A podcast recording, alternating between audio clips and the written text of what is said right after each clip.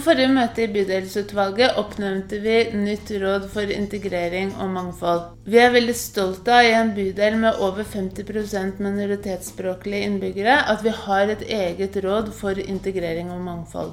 Fra før har vi Seniorrådet, Ungdomsrådet og Råd for funksjonshemmede. Og de rådene her de har møter i forkant av uh, bydelsutvalgsmøtene går gjennom de samme sakene som skal opp i bydelsutvalget, og gir oss råd om hva de mener at vi bør vedta.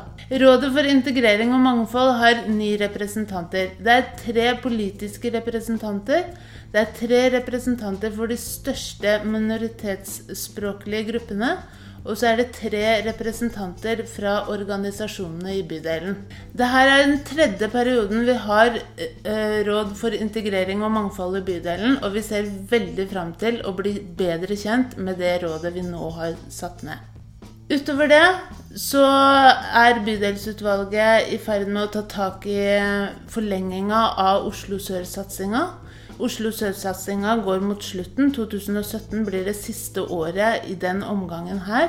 Vi ønsker selvfølgelig at Oslo Sør-satsinga skal fortsette, gjerne med ti nye år. Men kanskje med et litt annet innhold, eh, i en litt annen form enn det den eh, har hatt i den tiårsperioden som nå går mot slutten. Har du innspill, så er du hjertelig velkommen til å dele det med oss.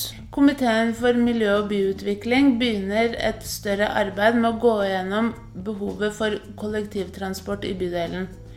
Byrådet vi har nå, ønsker en stor satsing på kollektivtransport, særlig på buss, fra neste år.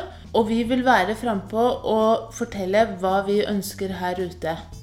Vi vil veldig gjerne ha innspill fra deg på det også.